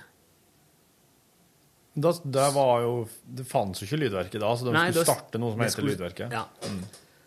Og det er jo bare sånn her prestisjeprosjekt. Nå skal vi starte det endelig skal Norge få det journalist, musikkjournalistikkprogrammet. Ja. mhm. Det var mye sånn Det var mange som Og politikk. mente mye om det, ja. Ja. Jesus. Havna i den eh, musikkbransjen. Det var interessant. Det har holdt i to år. Det er jo som å bare ut av det. Det var interessant. Det var gøy, jævlig gøy ting å jobbe med. Reise og Ja. Reise og intervjue folk og sånn. Ja, ja. Artister. Hva du, hva du, for- hva du for han etter Lydverket? P3 Ja, Morgen? da tok jeg pappaperm, og så øh, gikk jeg tilbake til P3, P3 Morgen. Ja. Og så hadde vi en sånn uoverensstemmelse øh, som førte til at jeg øh, Jeg jobba i P3 Morgen en stund etter jeg hadde hatt pappaperm, og så slutta jeg, sa jeg opp. Ja. Slutta i hele NRK, og så begynte jeg å jobbe i Kanal 24. Ja, ok, slik, ja. Var du, hvor lenge var du ute i pappaperm? Jeg var ganske lenge, for jeg tok ferie, og så hadde jeg full For da var kona student, så det var, jeg fikk hele Jeg hadde full kvote. Hæ? Du hadde alt? Ja, jeg får jo ikke alt, men jeg fikk øh... Ja, for altså, hun hadde jo ikke noe å ta perm ifra. Nei. Så hun kunne liksom føre over maks på meg, da. Det tror jeg jeg lurer på om det var noe sånn åtte-ni måneder. Å, djæven, du var, du var borte et år, du, da. Ja, det var nesten det. Ja, så kom du igjen til P3 Morgen. Men jobba du da som programleder i P3 Morgen? P3 Morgen? Ja, først var jeg litt reporter, og så lagde vi humor og Ja. Det var veldig artig tid. Da jobba Bjarte òg der, og Steinar var innom en del Sean Henrik Mathesen, som er i eh, P13 og jobba Det var jo han og Steinar Sagen som var programledere da. Ja, ok. Så jeg var reporter. Ja. For når vi, når jeg, mens jeg lagde Kaliber, så var det Holger Nilsens metode. Da var det la, eh, Petter Skjerven og Kari Slottsveen og de som Og der var Bjarte med. Hadde formiddagsflata? Ja. Ja. Mm. Jeg lurer på om det ikke var da Bjarte flytta til Oslo, når det starta. ja. Og så eh, ble han med, med videre på Det var før Radioresepsjonen, dette her. Ja. Og da la, jeg husker vi hadde Bjarte og jeg hadde sånn uh, føljetong med et band som vi kalte for The Rogalendings. Som var jævlig sånn forsmådd uh, Ja. Jævla dritmusikken du spiller der P3 Håkan Mosleth og det der jævla folka. Ja, ja. Så bare kjefta på. Klipte med det sånn at vi liksom reiste hjem til å skulle banke Håkan Mosleth og sånn. ja. Lagde julekalender òg med deg, Det var gøy. Hva slags uh, musikksjanger var det rogalendings opererte innenfor, da? Hørte du noen gang eksempler på det? Ja, ja, lagde, lagde flere sanger. Ja, jeg gjorde det. Ja. Ja. Rogaland, vi kommer fra Rogaland. Flytt deg, din sprett, nå skal vi til vår rett. Det råeste bandet i hele fylket. Spiller og synger som om det var lett. Uh. Ja, nei, det stoppet. det var Ja, ja, det var for mye. Nå er jeg laga julekalender med. Bjarte er en veldig artig fyr. Det er veldig gøy å arbeide med. Ja, Var det, var det jo slik at du, eh, du var med i P3 Morgen en liten stund? Nå, er, nå er det blitt sånn Nå ble det sånn Plutselig så kom jeg til meg sjøl, og så satt jeg i et portrettintervju. Eller så jeg satt i en sånn Dette er mitt liv. Ja, du, Det- det ble det Ja. Jeg ble litt sånn hengt opp i det og revet med av det. Ikke tenkt på, noe, på mye av dette her på mange år. Du har tårer i øynene. Nei, jeg er veldig trøtt. Altså, hvor lenge var du i Kanal 24? Ni måneder. Jeg var et svangerskap. Og så, Og så skulle min gamle prosjektleder i Lydverket lage animert talkshow på NRK. vet du. Og da var det det kom, vet du. halvseint. Og det var bare Det der er sånn Ja. Noen ting er, må man bare gjøre. Ja. Det var liksom det beste av to verdener. Det er, det er for, til det dag i dag noe av det artigste jeg har vært med på, tror jeg, i jobbsammenheng. For jeg var jo laga radio, men så ble det gjort til TV. ja. Og jæklig kult å lage For vi lagde hele lyden først. Så alt blir lagd som hørespill, kan du si på en måte. Eller radiosketsjer med lydeffekter. og- Så jeg skriver en sånn en historie om eh, en mann som kan fly litt. Ja. Ja, du kan altså fly. Jeg kan fly litt. Ok, jeg kan, jo, kan du vise Ja, ja, nå flytter jeg litt, så kan jeg Så kan jeg finne masse liksom så dette på. Nei, far, vent, jeg må ta det en gang til. Jeg klarte ikke Og så prøver jeg en gang til, så går han gjennom taket, og så Ja. Og, så, og har klippet det sammen, da, så tenkt igjennom ja, sånn, hvor lang tid tar det fra propellen starter til han flyr, og så går han i gulvet, og så, Mm. så liksom time det og hører det for deg, og så sender du av gårde. Ja. Så går det noen uker, og så er det en tegnefilm Ja, ja. som er Herregud, det var gøy. Så lagde vi to sesonger av det og en julefilm, og ble Amanda-nominert for kortfilm, ja. faktisk. Og etter det, da? Ja, da gikk kontrakten ut med NRK. Ja. For jeg var ikke ansatt da igjen da i NRK. Det var ansettelsesstopp i NRK. Ja. Så da kom NRK og sa ja, ja, det var artig det, men uh, snakkes. Ha det. Det var ansettelsesstopp. Jeg hadde litt tid igjen før den gikk ut, så da jobba jeg med Da var lyd... eh, ja, hva ble det? Lyddesigner eller noe sånt? Mm, du laga jingler og slik, ja? Nei, jeg lagde, så hadde klippet og lagde lydeffekter sånn til Hunter 2. Ja, faen, det var stemmer det. Det var der, ja. ja. Så hadde klippet sånn Foley og sånn. Ja. ja. Sånn lyder av skritt og folk som går og Jeg er på et rom alene Jeg. Ja. Avsides Ja, ja. krok på Marienlyst. ja. Og så gikk kontrakten din ut, og så ble du Da var du bare frilanser, da? Ja. Ei stund? Da begynte jeg å jobbe for Radio Norge. For da hadde de, I mellomtida hadde de kjøpt opp Kanal 24. Da begynte du å jobbe der, ja. Så begynte jeg å frilanse der. Ja. Og så var jeg der en stund, og så var jeg med å Jeg var med og, og, og satte opp det som er Morgenklubben nå, med, og hadde audition med Geir Skau og Øyvind Loven og sånn. Ja. Skulle egentlig være produsent for det der, men jeg er ikke sånn uh, flink produsent. så jeg uh, Det ble til at jeg lagde mer sånn tull for dem, da. Ja. Satt hjemme i kjelleren på Grorud og lagde tull. Så tenkte jeg, nå er det Og så mista kona jobben på Stortinget. Ja, For da var det re regjeringsskifte. Ja, det var valg i 2010. Hun var politisk rådgiver for Venstre det året, og da var det da Sponheim måtte gå. Ja. De mista eh, åtte av ti representanter på Stortinget. Altså. Det var katastrofevalg. Så hun, da fikk hun beskjed Det er faen, eh, sånn er det i den der bransjen. Hun fikk beskjed Ja, tirsdag må du Ja. være ute. Fy fader. Ja, det var tirsdag neste uke, eller noe sånt. men- Ja. Så det er ikke noe sånn arbeidsmiljølov sånn uh, Nei. Få litt etterlønn og noe sånt, men der er du politisk aktiv. Så ja, ut! Ja. Du tapte. Det sånn, det er et slags eh, jobbidol. Ja. Det er topp stemning så lenge du er med, Ja. og det går bra. Hvem ryker ut? Ja. Ja. Bare summen av deltakere er konstant, og det er jo stor forskjell. Du får ikke lov å være med noe lenge. Du får ikke være med i flere episoder når du ryker ut, nei. Men da flytta vi til Trondheim, Ja. og øh, Da begynte du å jobbe her igjen. ja. Ganske fort. Gjorde du ikke det? Jo, jeg begynte, jeg, først var jeg lyddesigner for P3. Da satt jeg og klippet jingler sånn for P3. Ja, stemmer. Det var da, ja. For da hadde Børge Vass-Johansen hadde pappaperm. da. Ja, ja. Og så fikk jeg jobbe i Kveldsåpent, og, og så begynte jeg med Fredagsåpent, og så med Grete Strøm, og så klarte jeg å lure med deg, og så Her sitter vi. Ja, der, der har jeg nå Jeg lærte litt på den runden der, ja. Ja. På, på den- gjennomgangen der. Men nå må vi jo Når begynte du i P3?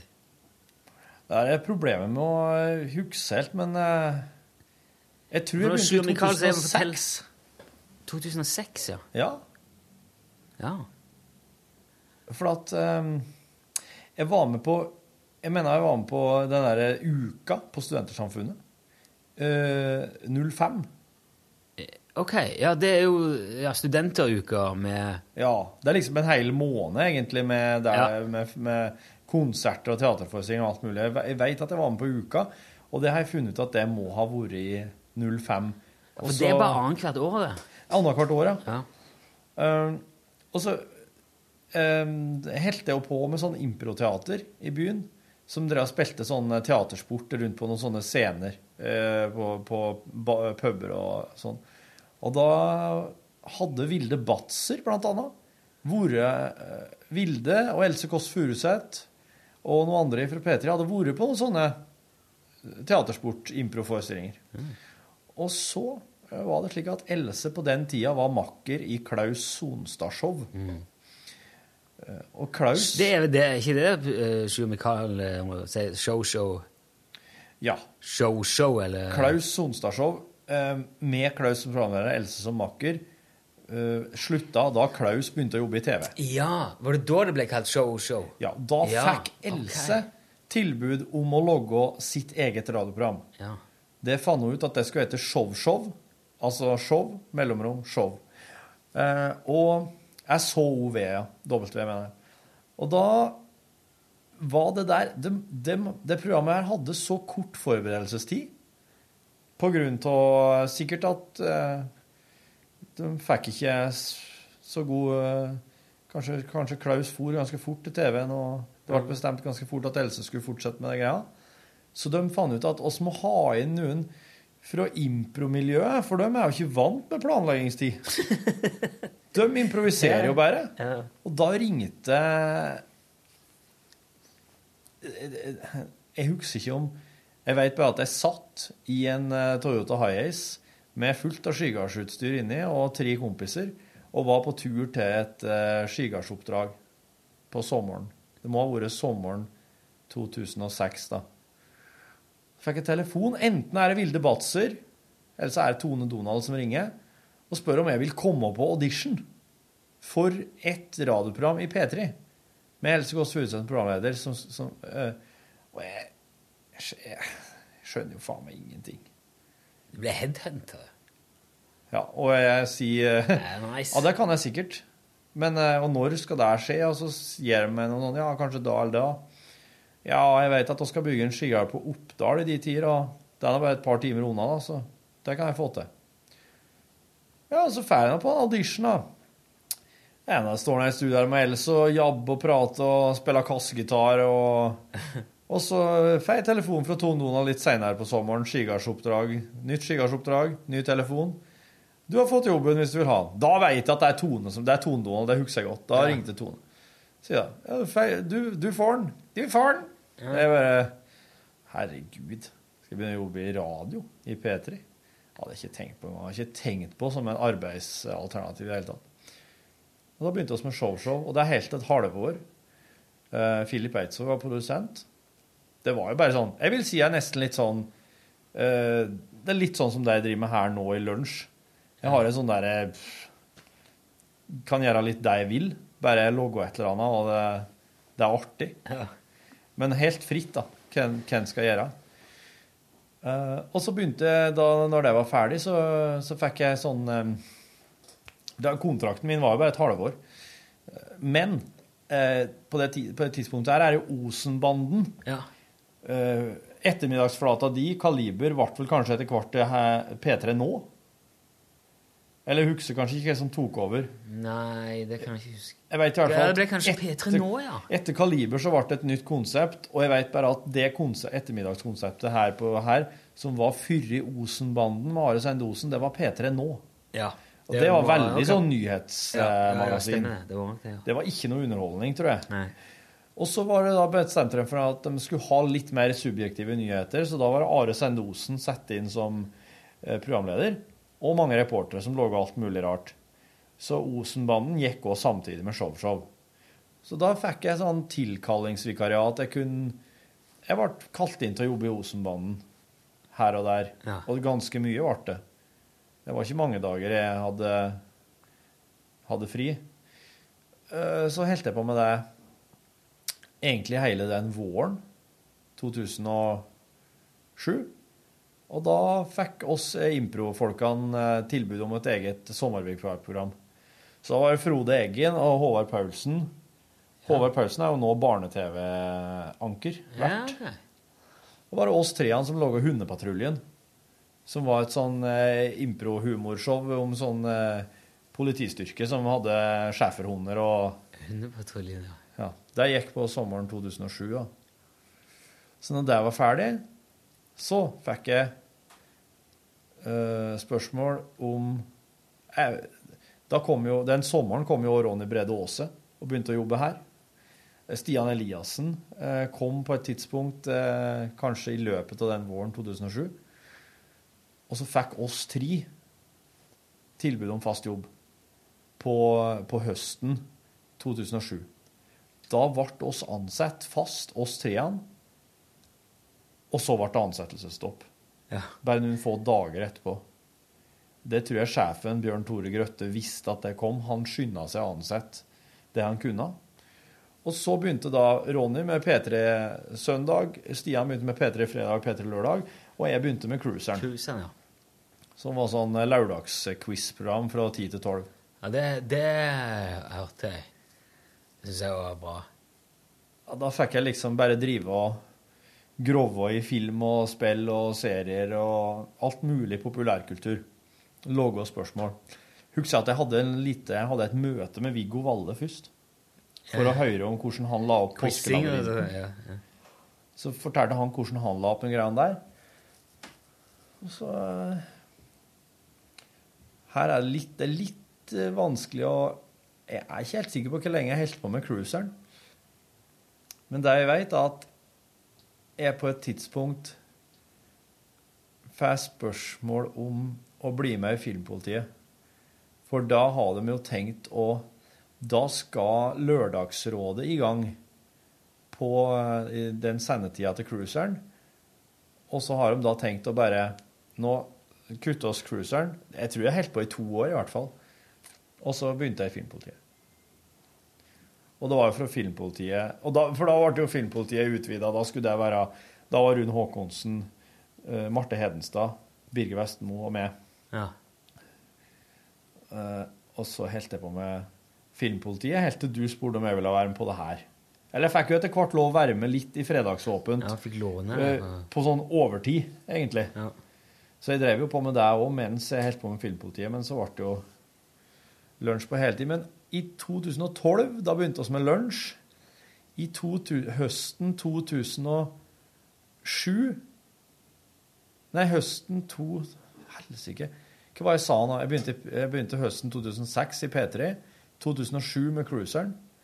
Og da jævlen holdt jeg på helt fra 2007 og fram til 2012. Men Cruiser og filmpoliti. Ja, nei, for faen. Film, filmpolitiet, så klart. Jeg holdt kanskje på i tre år med Cruiseren. Jævlig lenge, da. Mange sykler det? Ja, de har kjøpt inn haugevis, vet du. Da var det mye penger. Eller, ja, det måtte nesten ha vært det, men eh, eh, Stilige, de syklene. Er Kule sykler. Men det var ikke sånn Alle fikk ikke sykkel. Nei, det var jo bare dem som Men det ble jo delt ut en sykkel hver lørdag, ja. Gjorde det? Ja, for at eh, Det var jo Det var ikke så Du måtte opp til en viss eller så, Da kan du få sykkelen, eller? Nei, det er slik de opererer i dag, det. Oh, ja. Eh, Eller altså med P3 Søndag. Nei, Søndagsmorgen. Ja. Rune Haakonsen drev jo på med det. Der var det slik at du måtte komme opp til et visst steg for å få Til slutt så kunne du vinne en konsoll. Ah. Ja. Nei, i cruiseren så var det faktisk slik at den som fikk eh, mest poeng eh, til slutt, vant sykkelen. Holy moly. Ja. Ja, ja. Det var jo litt digg, da. I starten så hadde vi jo invitert oss jo to sånne G-kjendiser til å være med. Da var det duell. Det var to G-kjendiser som var med hver lørdag og konkurrerte om sykkelen. Og så var det, husker jeg, jeg skulle ha homser mot lesber. Kategorien. Og da møtte ikke homsen opp, som vi også hadde fått med. Så da bare start, oss bare starte programmet. Det er jo Frode Eggen, min impro-kompis, som er produsent for det her. Da bare starta oss programmet, og så bare uh, Hei, det er cruiseren. Uh, oss har ei lesbe i dag, men homsen møtte ikke opp. Uh, det vi kan gjøre, er at vi kan jo faktisk spørre om det er noen homser der ute som har lyst til å være med og konkurrere om sykkelen i dag, og som kan ringe inn på det nummeret her. så ringer det jo en kjempekul kis som eh, tilfeldigvis er homo. Det, er, altså, det, er, det vet jeg jo ikke om han var. Men eh, i hvert fall, han er med. Han blir med og konkurrerer mot lesbene som sitter i studio oppe hos oss, og han vinner sykkelen. Og det var veldig god radio, og da skjønte vi at hva faen vi driver og inviterer folk til denne greia her for? Og så kan man bare, det kan bare være innringere. Og det mener jeg var det Da ble det Det var det beste med cruiseren, når vi begynte med innringere. Og at det var helt åpent hvem som var med hver lørdag. Og eh, at når du ikke klarte å svare riktig, så røk du ut. Ja. Da må, og da ble det mer sånn påskelabyrint òg. Da ble det mer sånn du er med så lenge du eh, klarer å svare riktig. Svarer du feil, husj, ut. Men da var det sånn at du, hvis du klarte å komme inn uh, helt på slutten og klarte Ja. å få ett spørsmål riktig, så Ja. fikk du den jævla Ja, sykkelen? ja. Åh. Så i teorien så kan du være med hele programmet og bli slått ut Ja. i siste Jepp. Jepp. Det var det.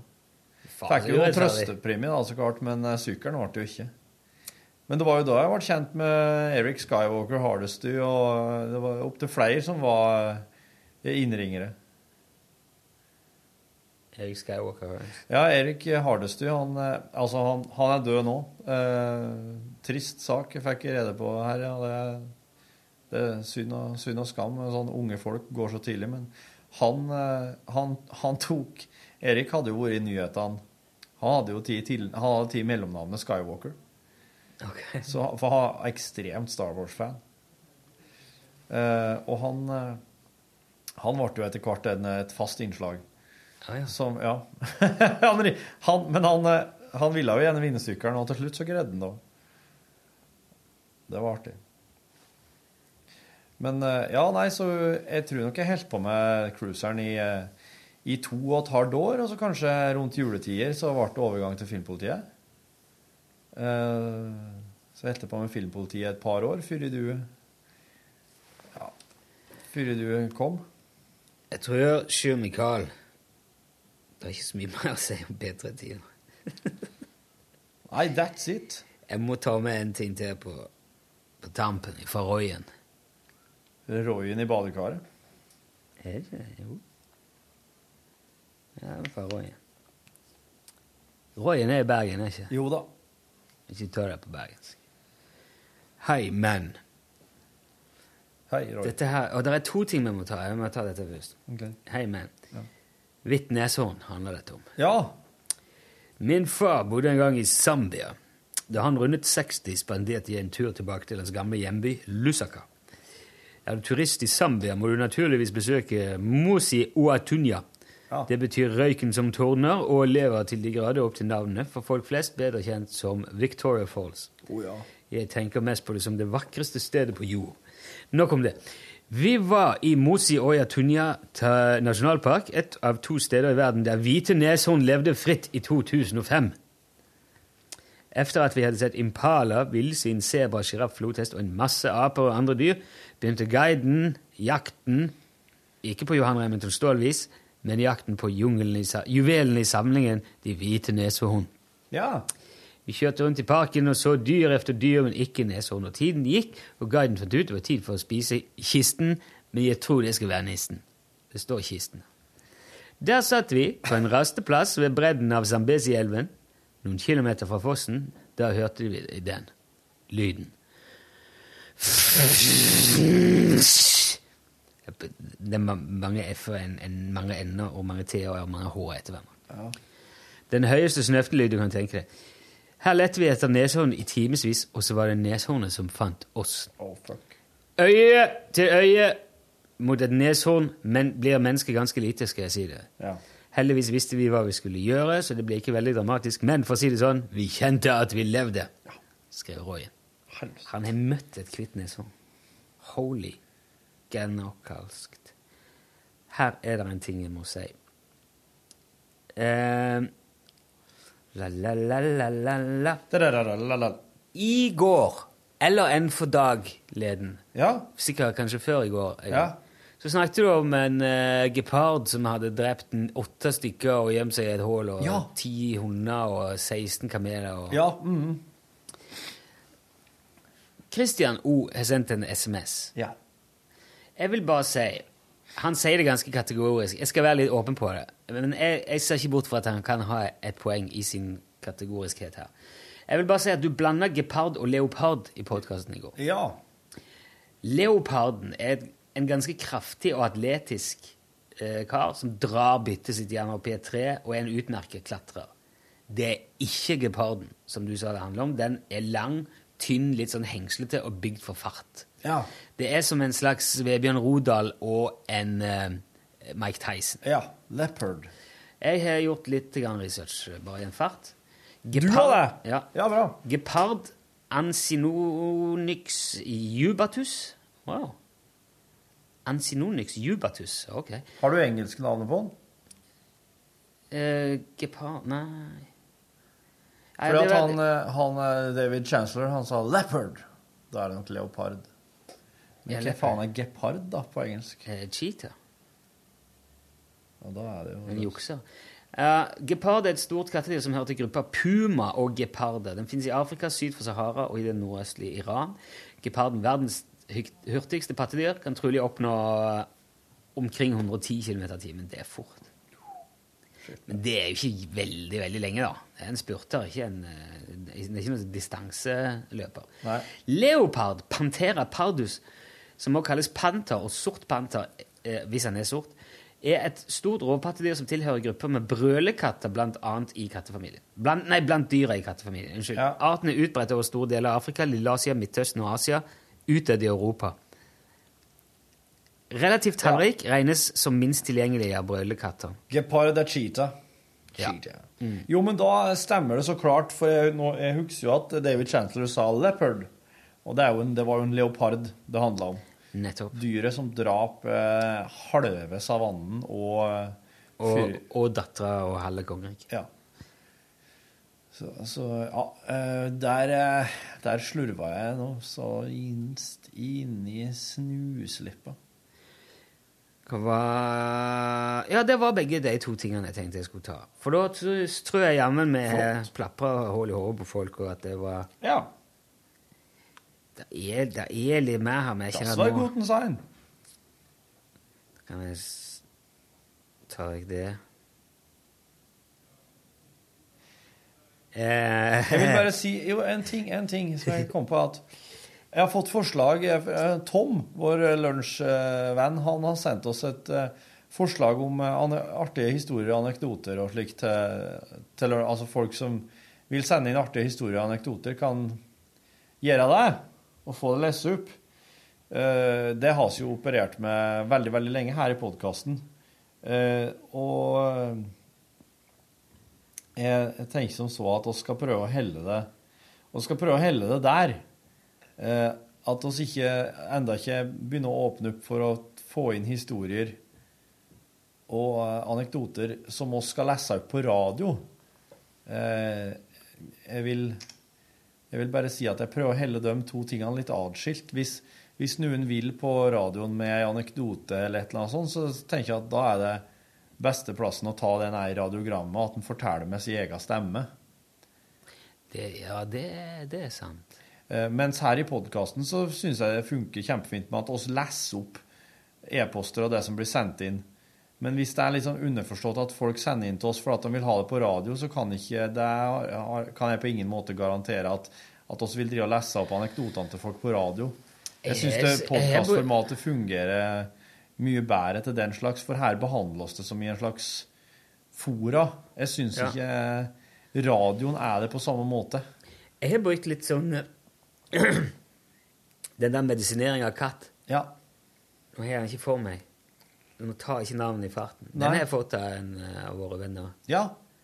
Som er, han hadde jo funnet den på nett, men oversatt den. Og, og da, da syns jeg det er kjekt å legge litt eh, i det, og så lage den om da til Ja. Mm. Lese opp og produsere det som et radioinnslag. Så det, jeg skal, jeg skal, skal ikke være sånn helt kategorisk på at det ikke Nei, men det, Og det, det er faktisk eh, Det det- kommer helt an på hvordan historien blir fortalt.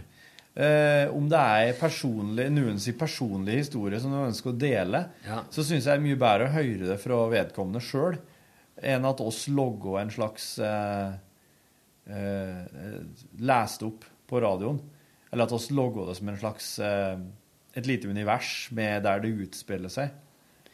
Ja, det, ja, det er ikke så jeg, jeg, Fredrik jeg Norum at- skriver ofte lange e-poster til oss som blir lest opp her, men da er det jo Han har jo en sånn langform som er Det er det der som er måten altså å skrive inn en e-post til oss på, som, som kan leses opp og fortelles. Det, det, det, vi- det vi skulle gjort? Vi skulle Ja. hatt, vi skulle hatt en eh, sånn kongress. Ja, ja. Eller et Ja. eh, styremøte. Altså Ja. en sånn samling. Ja, enig. For jeg merker jo Når, når du sier Fredrik Norum Altså, jeg har jo, det der, den der tilst, Den der tilstanden min som gjør at jeg, jeg, jeg navn Det går ikke i hop, men jeg, jeg, kan ikke Jeg klarer ikke Det er noen få navn. Jeg kan liksom Ja, ja, ok, det husker det sånn og sånn. Ja. At det er der at det, Nå husker jeg Tom. Ja. Som jeg, Jeg husker Mon... Nei, jeg, ja, jeg husker Arnstein. Jeg husker Der er liksom Jeg husker Spolen. Det er veldig mange av som jeg, som jeg føler vi utveksler mailer med og leser og snakker rundt og med. Nesten daglig i podkasten, men jeg klarer ikke å ta det igjen. Hvis jeg sier Børge Pallesen, Ja. ringer det? Ja, det ringer, men jeg klarer ikke ta jeg, Hvis jeg sier Rune Mørkved, ringer Ja. Rune Pune, ja. Sjur Mikael, så klart. Ja, Sjur Mikael eh, klarer jeg av en eller annen grunn. Jeg tror det er liksom nok info, for jeg vet at uh, Sjur Mikael er 15 og Torstein Vegard. Du har altså Ja. Jeg husker, Men jeg har jo ikke noe ansikt til, sant? Nei, nei, nei. nei. Og det er, innimellom er det litt frustrerende, så vi burde hatt sånn, akkurat sånn Star Wars-kongress eller sånn eh, Eller sånn eh, Ja. ja, Det blir jo sånn samling for eh, rare folk med spesielle interesser. Ja. Det er jo eh, det var- Vi skal ha julebord! ja, skal Hvor alle bare det samles blir for tatt med sent alle å organisere. Royen i, Royen i badekar og tatt med seg sine historier. Så kunne vi bare sittet og tatt oss en, en pinne, og så uh, Ja. Fjalle over good times. jo, jo, det var ekstraordinært uh, årsstyremøte. Det har vært gøy. Det er, jo ikke, det er jo ikke verre enn at oss, oss kan jo godt ta det som et julebord nå til jul, men eh, da forutsetter vel at eh, disse folkene her finner veien hit. Eksempel den eh, ellers 16. bli- desember på Charlie Rackstead sin julekonsert. Så kunne man blitt enige om et slags sånn, sånn felles minstemultiplum. Så det der, der det- Det, ja. Ja. Der det er på en måte Der de samfunns...